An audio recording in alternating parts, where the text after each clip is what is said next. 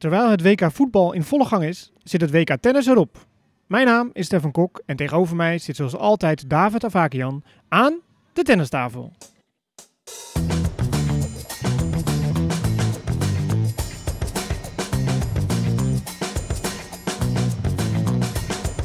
Please take your seats quickly, ladies and gentlemen.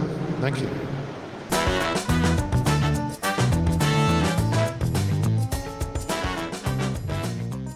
Sterker nog, Nederland gaat spelen zometeen. Neem ik aan dat je het over voetbal hebt. Dan heb ik het over voetbal. Ja. Maar ik denk als de mensen dit luisteren, dat ze dan al weten... eh, Al 100% ja. Zo snel ben ik niet. Nee, dat denk ik ook niet.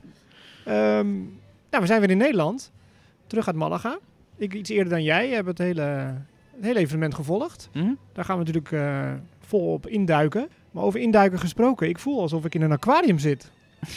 Ja, wij kijken naar, de, naar een hele reeks tennisbanen, want we zijn weer op Amstelpark, waar we geregeld zitten.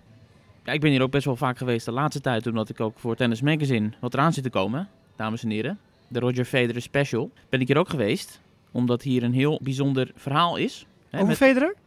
nou, die is hier niet, dus eh, blijf zitten. Misschien komt hij nog. nee, nee, hij was in Tokio, hè. Hij heeft eh, daar met Uniqlo, met zijn, met zijn kledingsponsor, heeft hij daar van alles gedaan. Nee, maar hier is iets bijzonders gaande, omdat ze hier op Amstelpark... Zullen we wat verklappen, of Ja, doe maar. vind Ik je? vond het zo'n mooi Ja. verhaal. Oké. Nou ja, er zijn hier dus een aantal eh Oekraïense trainers momenteel eh, in dienst, in loondienst, die hier zijn aangekomen en die, nou goed, in Oekraïne wordt goed getennist, dus er zijn een aantal van hen zijn gevlucht en die zijn hier terechtgekomen. En hier op Amsterdam hebben ze een baan gevonden. En dat was een bijzonder verhaal, want het is natuurlijk geen simpele route in de meeste gevallen om hier te komen. Dus ik heb die trainers eh, gesproken en daar een verhaal van gemaakt voor Tennis Magazine. Ja, allemaal te lezen in het komende tennismagazine inderdaad. Dat eh, vandaag naar de drukker gaat op dinsdag. Maar het duurt nog eventjes voordat hij verkrijgbaar is. Een dag of tien. Dus eh ga uit van twee weken, zeg maar, dat Ja. hij overal te bestellen is. Ehm, ik heb het gelezen. Je hebt het interview gedaan. Echt een, ja, mooi verhaal is moeilijk te zeggen natuurlijk. Maar eh pittig verhaal, aangrijpend. en mooi dat wel dat tennis dan toch weer de verbindende factor is wat dat betreft. En die mensen eigenlijk hier dan een warm welkom geven. Mhm. Is tennis. Ja. Ja, De tennisfamilie. en De mensen hebben nogal wat meegemaakt. Dus dat is allemaal eh, ja, door jou mooi opgetekend, moet ik zeggen. Het was ook een zware bevalling voor je. Ik was erbij in Ja. de Malaga dat je het tikken was. Ja, maar je moet je voorstellen, want die mensen geven mij dus urenlang hun verhaal. En dan hadden we aanvankelijk een x aantal woorden, heb je dan ervoor over. Maar dan zit je te tikken en dan denk je, ja oké, dus ik moet wel echt gaan, gaan snijden in dat verhaal van die mensen. Want ja, dat hoort erbij. Schrijf eens grappen. Schrijven is grappen, ja, die tegels die hangen allemaal thuis. Maar ja, als het dan zo'n persoonlijk verhaal is, dan dan vind ik dat moeilijker. Dan als het eh, een titel van Tsitsipas minder is of zo, die ik dan eh, niet hoef te noemen. Ja, ja, ja. Dus dat, dat soort overwegingen. Maar ja. goed, eh, genoeg over onszelf. Nou, het gaat over die mensen. Malaga, het viel eventjes. Wat is jouw eerste indruk zo als je terugkijkt? Wat schiet er meteen te binnen? Nou ja, dat Nederland eh genaaid is. Genaaid? Ja, Hoezo? Want de uiteindelijke wereldkampioen had volgens mij gewoon 4-0 verloren voor Nederland eerder dit jaar. Ja, dat is wel wrang natuurlijk. Ja. ja Nederland versloeg Canada met 4-0 in eh, Den Haag. Op gravel in februari. Ja. Ja, het was niet Canada AAA. Maar Wel C. DDD. ja. Precies. Daardoor eh plaatste Nederland zich uiteindelijk dan voor de groepsfase in Glasgow. Daar fantastisch gepresenteerd door Kazachstan, Groot-Brittannië en de Verenigde Staten te verslaan. En onderuit gaat tegen Australië, dat hebben we behandeld. Maar inderdaad, Canada met het goud naar huis. En ik heb Op het ook volle oorlogsterkte dan. op volle oorlog gezegd. Want ineens eh, was de hele generatie van de Felixen en de Chapo's en de, van de oudere generatie Pospisil was er nog bij. Dat waren de drie grote mannen die de punten binnensleepten. Ik heb het ook gezegd gewoon tegen die Felix tijdens een interview voor Ziggo. Ik zei, ja, het is toch een beetje raar hè, dat jullie hier zo staan. Erkende hij ook volledig. Hij zei, ja, ja, ja, ja. Ik weet niet of, het, helemaal, of het helemaal zo was, maar hij zei, ja, ik had zo'n pijn aan mijn rug op dat moment toen we tegen Nederland moesten. Dus ik moest helaas afzeggen toen. Nou ja, kijk, Ze wonnen, de ATP, gewoon niet spelen. ze wonnen de ATP Cup in het begin van het jaar. En ze hadden zoiets van, we hebben al iets voor ons land gedaan. Ja. Dus dat was eigenlijk wel voldoende. Toen won Felix ABN. Mhm. Dus toen vroeg ik hem daar afloop ook van, hey, zien we je weer in Nederland over een week, wat was het? Binnenkort? Ja. Voor die Davis Cup. Nou, toen deed het dus heel erg omslachtig en moeilijk. Ja, ze hadden gewoon geen zin in om gravel te spelen eh, in Den Haag. Ja, uiteindelijk zijn ze dan toch in die poolfase terechtgekomen omdat Rusland niet mee mocht doen. Dus toen hebben zij een wildcard gekregen als meest geschikte, misschien op de ranglijst. Ik weet niet eens meer precies waarom nee, nou, zij... ik kan het je wel vertellen. Oh, kijk aan. Ehm. Servië had een wildcard. Maar die schoof dan door als beste halve finalist van vorig jaar. Waardoor een wildcard vrijkomt. Wat eigenlijk al vreemd is, hè, een wildcard voor dit eh, toernooi. En die ging dan naar Canada. Ja, oké, zodoende. ze wonnen dus achtereenvolgens eh wel niet heel makkelijk, hè? laten we dat ook voorop stellen. Want het was best een, pittige route. Er moesten wat beslissende dubbelspelwedstrijden aan te pas komen. tegen Duitsland bijvoorbeeld in de kwartfinale. Chapeau, die verloor eigenlijk als een singlepartij steeds. In de kwartfinale en de halve finale onderuit. In twee, drie setters. Is tegen Stroef. En daarna eh, tegen Sonigo, die echt weergaloze wedstrijd speelde. En die wedstrijd op zich was echt fantastisch. Felix, die als een machine werkelijk al zijn wedstrijden binnensleepte. Chapeau, die het steeds niet lukte tot in de finale. Is op het juiste moment gepiekt. Van Van Kokkinakis. Kokkinakis, die, er, ja, die bakte er weinig van. Die hadden we dus wel graag willen zien in de eerste ronde. Want eh Kokkinakis heeft echt een toernooi gespeeld van Ja, eh, die niks, speelde hè? niet lekker. Nee. Nee, want die speelde dus wel in de half, eh, halve finale en finale. Mhm. Verloor bij de singles. Waar Thompson opeens weer in de dubbel stond opgesteld. Ja, Want Upton was geblesseerd. Dus ja, dan komt het allemaal zo achteraf denken. Oeh, Nederland had toch, ja. ja. toch wel verder kunnen komen misschien wel. Ja, Moeten komen. Trouwens, dat hij geblesseerd was, dat kwam door Padel, hè? Het P-woord, hè? Nu al? Ja, ja. Oké, zevende minuut. zo. Ja, dat hele Australische team is gaan padellen. Midden in de Davis Cup. En ik maar denken dat dat allemaal op en top professionals zijn. Met trainingskampen erop en eraan. Ja, en dan, eh, Maar zo'n Ebden gaat gewoon door zijn enkel of zo tijdens een padelpotje. En het gevreesde Ebden-Purcell-koppel was ineens verdwenen. Dat is toch bizar? Je gaat nou padellen midden in een Davis Cup finals. Ja, inderdaad, ja. Maar goed, ze hoefden niet meer te dubbelen in de finale. Want het was eh, bekeken naar twee singles. Chapeau vond zijn vorm net op tijd. Speelde wel goed, toch? Ja, maar zeker was knap dat hij de dag na die wedstrijd tegen Sonico, de 3 uur 15 minuten duurde, echt een slijtageslag, dat hij een dag daarna zo ver erbij stond. Want in die wedstrijd tegen Sonico werd hij nog behandeld aan zijn rug. En hij gaf ook aan, van, nou, daar complimenten aan de medische staf en iedereen die hem heeft opgelapt dat ik hier nu erbij sta. En zo kan spelen. Maar ja, hij heeft in het dubbel tegen Duitsland heeft hij ook zijn rol gespeeld. En als hij die wedstrijd niet hadden gewonnen in de kwartfinale, Chapo samen met Pospisil, was het ook niet gelukt. Daarna tegen Italië was het Felix die met Pospisil dubbelde. Die ook, die won alles werkelijk. Dus ja, een beetje de gouden generatie van Canada op dit moment. Zeker. Eh, over die postpeciel gesproken. Ja, eigenlijk zie je hem de Tour niet echt meer. Hè? Af en Challengers Tour, lang ja. geblesseerd aan zijn rug geweest. eh, liefdesverdriet. Heeft hij wel eens Ah, ja? verteld. Ja, Brosma had hij heel veel liefdesverdriet. Had gitaar mee en liefdesliedjes Oh, zingen en zo. Dus daar zat hij heel erg mee in de knoop. Waardoor zijn carrière ook eh, wat minder ging. Maar goed, een rugblessure. Maar in de Davis Cup staat hij er wel altijd. Want ik weet nog 2019 ook. Volgens mij haalde Canada ook de finale tegen Spanje. Stond hij ook gewoon enorm goed te singelen. Ja. Terwijl het echt een, echt een hele goede dubbelaar is. eh slams gewonnen. Knap dat hij nu ook weer zo'n put- maar dat potten wint. verklaart ook eh, de tranen die hij had. Want hij was het meest emotioneel van die hele club. En was ook nog wel mooi dat al die spelers, stuk voor stuk, Raonic ook niet vergaten. Iedereen die noemde Raonic als misschien wel de reden van, hè, dat soort van eye-opener van wij kunnen het als Canada zijnde. Dat het eigenlijk bij hem is begonnen. Ja, want Canada timmert natuurlijk al de laatste jaren aan de weg. Ja, de dames ook. echt een systeem opgezet, eh, een jaar of tien geleden of zo. Dat werkt gewoon. Ja, en die gasten hadden ook nog de junioren Davis Cup gewonnen. Ja. Chapo en eh, Felix, eh 2015 geloof ik. En nu dit. En Andrescu die de US Open heeft gewonnen. En Fernandez die de finale van de US Open haalde. Dus Ja. ja, ja. Allemaal nog Bouchard heel jong. natuurlijk daar, Bouchard. daarvoor al. eh Ja. Wimbledon finale. Eh, Wimbledon finale en nog twee halve finales hetzelfde jaar. Ja, precies. Maar goed, Felix in die finale tegen de. Ja, Felix machine. Hij was gewoon echt goed, hè. Heel goed. Oh, Hij had een dipje natuurlijk op de ATP Finals. Want hij had die hele reeks neergezet met al die toernooizegers. Dus toen was het even op in Turijn, maar hij had het hier weer. Ja, en koelbloedig blijven, want het was nogal wat. Het is de eerste Ja. Davis Cup titel voor Canada. Ja, Het is een matchpoint. En hij omschreef dat heel mooi in de persconferentie na afloop van... Oké, ik sloeg die bal en toen zag ik het veld lag open.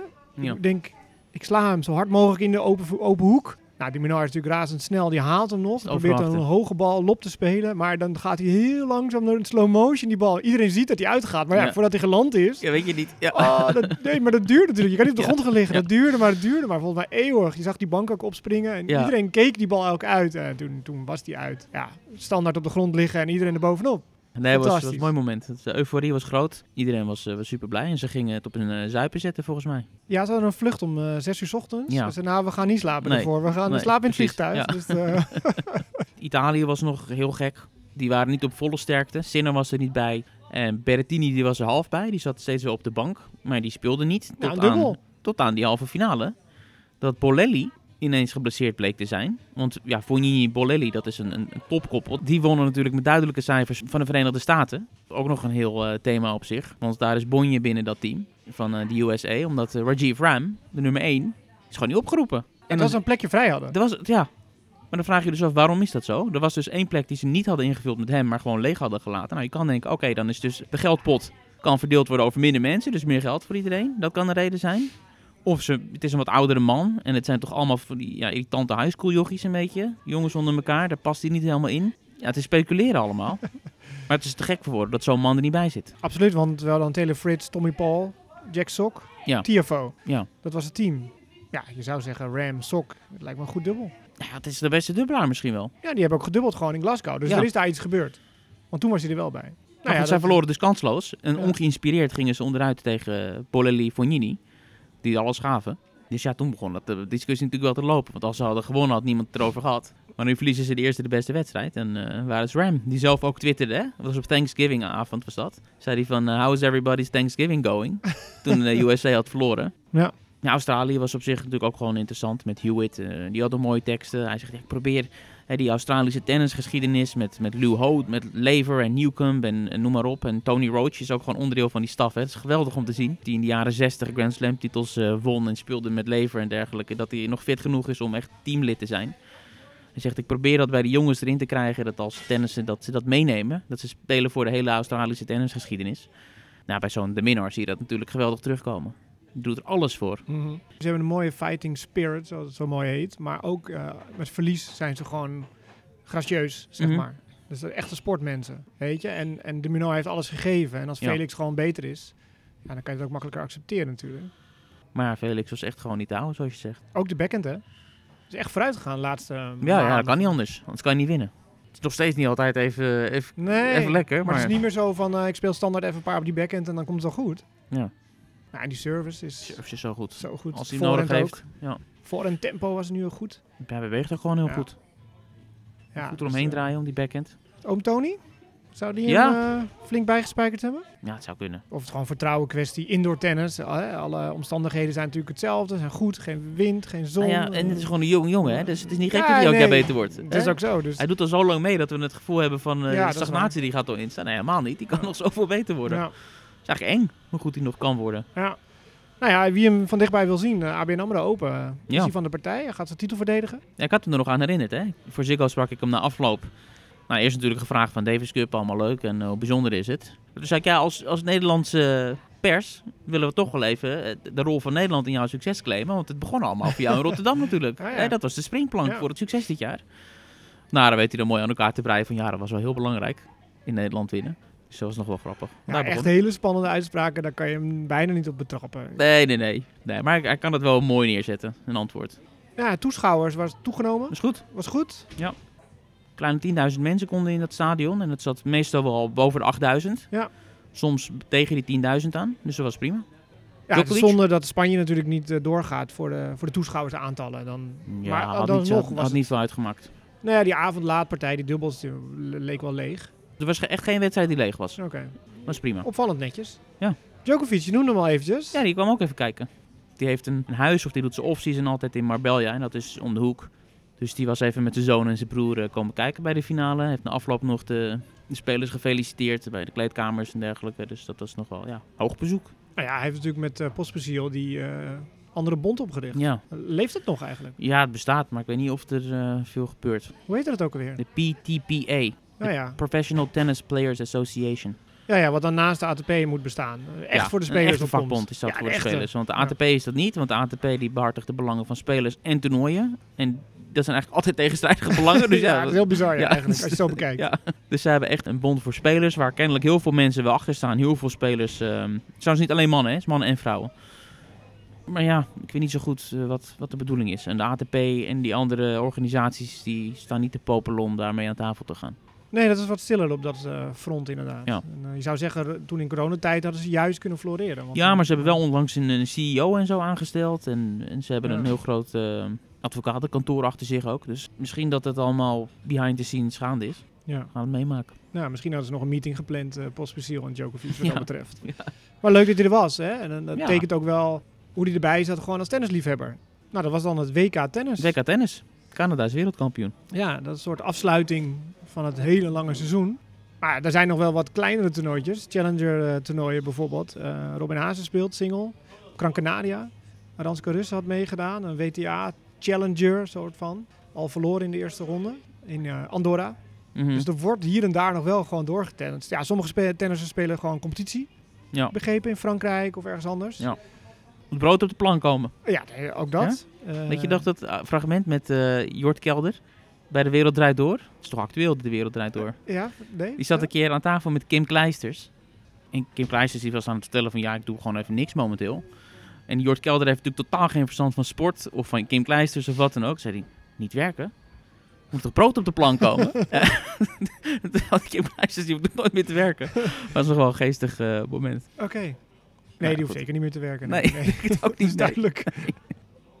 Waar waren we? Het seizoen is dan wel klaar, dus dan krijg je mooie lijstjes en zo. Mm. Ik zag een lijstje voorbij komen met de meeste overwinningen. Eh, bij de vrouwen en bij de mannen. Nou, bij de vrouwen lijkt me makkelijk. Vul jij hem zomaar in uit je hoofd? Iga. Ze heeft 67 wedstrijden gewonnen. Eh, nummer 2, On Jabeur. 20 potjes Ja. minder gewonnen. En Caroline Garcia. 47, die eindigt op de derde plek. Ja, die heeft natuurlijk een geweldige run eh, ja, halverwege het jaar In de tweede helft van het jaar. Ja. Ja. Felix noemden we al. Geweldig seizoen. Hoe hoog staat hij, denk je, in de top 3? Twee. Heel goed. 60 wedstrijden gewonnen. Alcaraz op 3, 57. En eh, nummer 1, Tsitsipas. ja, 61 wedstrijden gewonnen.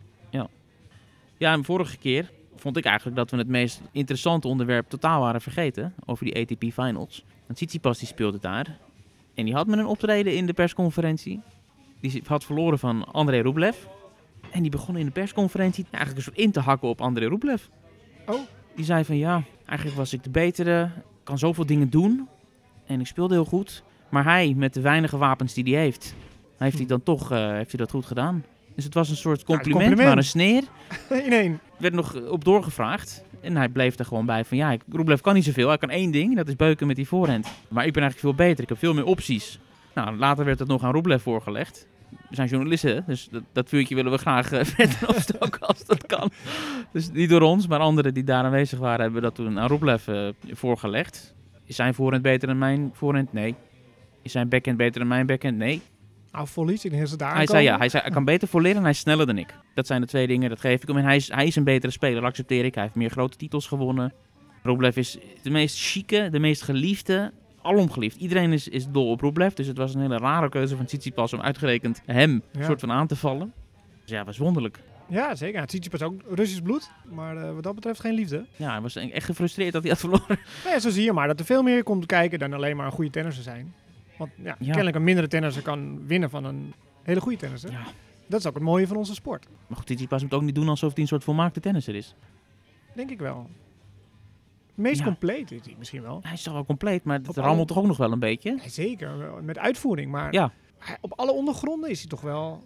Ja, nee, maar hij is ook wel de, de betere uiteindelijk. De, de succesvollere van de twee. Hij heeft niet een status dat hij dit soort uitspraken zou moeten doen. Nee, dan ben ik met je eens. Maar hij kan wel alles. Ja, nee, zeker. zeker. En er zijn natuurlijk gaten in Rublev's spel. We noemen die volleys al. Misschien zijn slice backhand.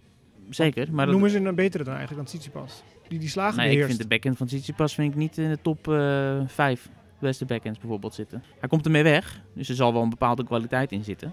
Maar ja, ik denk dat niemand denkt, oh shit, die backhand van Tsitsipas, pff, dan moet je wegblijven. Zou Felix niet met hem willen ruilen? Ik denk het wel. Ja, oké. Verder? Djokovic, Nadal, Rublev, Medvedev, Fritz. Allemaal betere backhands dan, eh dan Tsitsipas. Vlak die variatie niet uit, hè? Ik bedoel, al die dubbelhandige backhands die je opnoemt, ja, dat, is Nee, maar maar slice backhand is gewoon iets anders. Ja, ja, dat hoort ook bij je backhand. Ja, dus hij zo. kan meer met de backhand. Ja, maar goed. Het gaat even om de rally backhand. Maar hier komen niet uit, denk ik. Kiki backhand, uh, Bertens Kiki backhand. Kiki backhand, ja, ja. wordt KNTB-coach, officieel. Ja, Zij gaat eh, één keer in de week trainen op de NTC in Amstelveen. Met eh, talenten, maar ook al ja, profs, zeg maar. Van de ITF Tour en WTA Tour. Ja, dan gaat daar kennis eh, overbrengen. Ik denk wel goede zaak. zeker. Zeker. Goed, ik zei het al tijdens die Billie Jean King Cup. Toen ze daarmee was als assistent. Op het lijf geschreven. Dat deed ze heel goed, heel natuurlijk. En ik ben blij dat het zo vroeg al gaat gebeuren. En dat ze niet een paar jaar echt verdwijnt. Maar dat ze eigenlijk vrij snel nadat ze is gestopt alweer eh, actief is op de baan. Ja, hij heeft haar diploma versneld gehaald. Dus wat dat betreft zit het wel goed. Eh, aan de andere kant denk je, ja, hield ze nou echt heel erg veel van de sport? Dat straalde ze tijdens haar actieve carrière niet enorm uit, vond ik zelf. Maar ja, dat kan nu natuurlijk anders zijn. En het is wat anders als je ernaast staat en iemand anders wil helpen dan dat het om jezelf gaat. Ze houdt van tennis. Misschien dat ze die zenuwen was er niet dol op. Dat was moeilijk voor haar. Ze is natuurlijk een tennisser. Ook als je altijd al die andere WTA-speelsters over Kiki hoorde. Nou, altijd met, met superveel respect en superveel uh, ja, jaloezie soms ook over hoe zij kan tennissen. En vooral hoe zij kan trainen. Ja. Precies. was echt heel goed in de trainingen. En gedisciplineerd en, en nadenken over en zo. Dus zij weet natuurlijk heel veel over die sport. En als ze het ook nog kan overbrengen, nou, dan heeft eh, de KNLTB goud in handen. Ja, ik denk wel. Zeker wat je zegt, inderdaad. Ze is niet heel lang eruit geweest. Ze is nog jong. In de generatie van die speelsters die nu gaat helpen, iedereen kent haar nog. Ja. Hè, dat is wat anders. Dat is Michiel Schapers nu opeens, wat misschien ook een hele Ja. goede coach is. Maar dan met Gijs Brouwer op pad gaat, ik noem maar wat. Ja, daar zit dan toch een generatie dingetje in uiteindelijk. Maar dat, dat heeft Kieke natuurlijk niet. Ja, ze zou misschien Ja, nog ook mee kunnen, kunnen sparren met die Ook dat, spelers. ja. hè? Ja, en als hij op het toernooi komt, iedereen kent haar natuurlijk nog. Ja. Dus als hij iets moet regelen, een sparringpartner of een mooie training met een eh, grote naam. kan, Ja, eh, maar zij goed, kan hebben natuurlijk geen speel. Ze, komt, als, ze kan wel meereizen op de Tour, maar dat zal niet op de WTA-tour zijn, denk ik. Die je daar Helaas, begeleiden. helaas nee. niet. Nee, nee, nog niet. Maar goed, als Suzanne Lamens of een even verder dat doorgroeit. Als ze doorgroeien, zeker. Ja. Ja. Het wordt niet het eindstation, dus niet de ITF-tour Nee, ik hoop het niet. voor nee. de Nederlandse vrouwen. Ja, verder, ehm je stipte het vorige keer al aan. Het gedoe in Polen. Ja, Dus ik kreeg huiswerk van je mee. daar ga ik je over horen. Ja, inderdaad. Nou, je ziet het. Ik heb hier wat velletjes Ja. met eh, oranje ja, gemarkeerde stukjes tekst. Heb je het uit het hoofd? Ik heb het vertaald. Oké. nou, dames en heren. Nou ja, serieuze zaak. Nou ja, de voorzitter van de Poolse Tennisbond. eh, ik ga hem één keer uitspreken zijn naam, want het is vrij lastig. Miroslav Skripczewski. Mijn vrouw zal er niet trots op me zijn. Sinds 2017 de voorzitter. Maar hij was ook coach. En in de tijd dat hij coach was, heeft hij onder andere een parlement, die nu parlementslid is, Katarzyna Kotula, eh, ja, misbruikt. Zij was toen eh, 13 jaar als tennister. Hij deed dan de deur op slot. Ja, en, achter gesloten deuren raakte hij haar aan op de intieme delen, eh, de borsten, billen, et cetera, heeft ze bekend in een interview. Eh, maar zij is nu parlementslid. En er is de, ja, de PIS-partij, die is aan de macht. En die hebben dan connecties weer met de voorzitter van de Tennisbond. En daar gaat heel veel subsidie en het bedrijfsleven gaat heel veel geld naartoe. Dus dat is breder dan alleen maar een persoonlijk probleem in dit geval. Dus dat is nogal een eh, schandaal aan het worden. Maar ook zijn eigen ge- gezin eh, was de, de dupe. Zijn voormalige schoonmoeder die eh, onthulde van ja, hij sloeg mij, mijn dochter en mijn kleindochter. En dat was al toen, toen het meisje 14 was. Maar er was iets met video's toch ook? Dat hij video's zelf zou hebben Ja. opgenomen. Ja, Ehm. Met zijn eigen dochter en misschien ook met anderen. Waar al die verschrikkelijke dingen dan eh, op stonden. Ja, dat onderzoek loopt. Ja, in oktober is alles naar buiten gekomen. Ja, het speelt al vanaf de begin jaren 90. Oké. Maar goed, we hebben wat, eh, wat Poolse tennissers momenteel. Die het aardig doen. Met Swiatek en eh Hurkacz. Volgens mij hebben die ook wat gezegd inmiddels. Ja, nou, Swiatek zegt dan heel eerlijk... Ik heb het gevoel dat ik als de huidige leider van tennis in de wereld nu... Ze is de nummer 1 van de wereld, niet kan zwijgen. Maar ze wil er ook niet zoveel over zeggen natuurlijk. Dus dat zegt ze van... In eerste instantie moeten we bij de slachtoffer zijn. Want ik weet bijvoorbeeld hoe mentaal zwaar de wereld kan zijn en, en het tennis kan zijn. Dus we moeten eigenlijk aan de slachtoffers... Dus alle berichtgeving over moeten we rekening houden met het mentale welzijn van de slachtoffers. Dus dat benadrukt zij heel erg. En ja, natuurlijk dat de, ja, de autoriteiten moeten het uitzoeken. Eh, journalisten goed werk doen, maar nu is het ook wel aan de instanties om daar iets mee te doen. Dat kan niet eh, blijven rusten. En ze zegt het is niet mijn rol om daar dan verder mee te bemoeien. Dus dat is haar statement. En zij is haar vader dankbaar hoe hij haar carrière heeft ingericht en Mhm. begeleid heeft. Want zij heeft daar nooit iets van gemerkt. Ze heeft daar nooit problemen mee gehad. Ja. Dus ze hebben hun eigen pad geplaveid, zeg maar. En Hoerkats, ja, die houdt het in de algemeenheden. Geen enkele coach of voogd mag misbruik maken van macht of positie. Dat lijkt me logisch. En ik sta achter elk slachtoffer van geweld, schreef hij. Oké, nou, dat is dus eh Een heel lelijk gaande. verhaal. Een lelijk verhaal. Ja, op zich, het is heel lelijk, maar het gebeurt natuurlijk overal. Hè. In Nederland hebben we het ook Ja, meegemaakt. Eh, verhalen over ja, een tennisleraar die veroordeeld is zelfs. In Almere, meen ik. Eh, over grensoverschrijdend gedrag. In Hoofddorp hebben we het gezien, dat onderzoek loopt nog. Ja, als het in turnen gebeurt en in atletiek en noem maar biathlon, noem maar het op. Ja, waarom niet in de tenniswereld natuurlijk? Ja, ik heb de sportacademie gedaan en het, er werd mij echt toen al geleerd. Ja, dat is echt al honderden jaren geleden, zeg maar. Zorg nooit dat je één op één bent met een meisje bijvoorbeeld. Zorg altijd dat je met meerdere bent. Laat de deuren open. Dat was toen al echt een thema. oh ja? Kijk, een meisje, als ik één op één ben, een meisje kan mij ook beschuldigen natuurlijk. Hè? Dus het is niet alleen maar bescherming van, eh, van haar, maar ook naar mij toe. Bijvoorbeeld naar de trainer toe. Dus het moet gewoon transparant zijn. En hier zitten we, nou, nou moet je kijken hier, wat ik zei, we zitten in een aquarium. Dit is heel transparant. We zitten echt Ja. aan de schuifpui. Het gevoel als iemand eh, kort cross laat, dat we een bal op de tafel Ja. krijgen, bij wijze van spreken. Weet je? Dus hier, de gordijnen zijn open, Ja. alles is open. En zo moet het ook. Ja, en het eh, hoofdkantoor van het tennismanagement zit ook hier. Ja. in een eigen aquarium. ja, inderdaad. Ja, het rookhok. Alles is, eh, is open en transparant. En iedereen die kan hier in en uitlopen. En alles is waarneembaar. Dit is aflevering 98, hè? Nee? Ja. Ja. 98. Had jij nog een onderwerp? Of gaan we, gaan we afronden? Ja, we moeten wel iets luchtiger afronden dan. eh Nou ja, we kunnen vooruitkijken. We, we kunnen vooruitkijken naar 99 en 100. Dat dreigen hele bijzondere afleveringen te gaan worden. We hebben wat gasten benaderd, gevraagd of zij dat feestelijke moment, Nationale Feestdag, aflevering 99. We hebben het gevraagd of melden ze zich spontaan aan? Nee, nee, nee. Nee. moesten ze echt over de streep trekken. Nee, dat was, was, was makkelijk eh, gedaan, denk ik. Ze waren redelijk snel om. Dat wil je als verrassing houden nog? Ja, toch? Gewoon in de gaten houden. En we... Krijgen we nou cliffhangers in onze nou ja, podcast? Jij bent de filmman. Peter Einde is er niet, toch? Het schijnt zo te zijn. Open eindes. Open eindes, ja. Maar we gaan wel halen, die Mooi. 100. We gaan zeker de 100 halen, dit jaar nog, komende weken. En dat hopen we dus op een mooie manier te doen. Laat ons weten eigenlijk op de social media. Wie denken jullie wat onze gasten kunnen zijn in de komende podcast? Ja. Je, oproepen altijd, social media. Ja, dat moet. Ja? Dat hoort. Dat schijnt. Dat hebben we geleerd van eh, de podcastschool. Oké, oké. Ja, wij zijn Ja. niet zo van de sto- social Nee, we media. we slecht vergeten in. ook altijd over Ja. de foto's te maken. Ja, gewoon lekker luisteren naar ons. En, en, en hoort zegt het voort. Zo is het. Dus volgende week met een speciale gast zijn we er absoluut weer voor nummer 99 en de week daarna voor 100. Dus wij gaan stug door. Bedankt voor het luisteren en tot de volgende keer.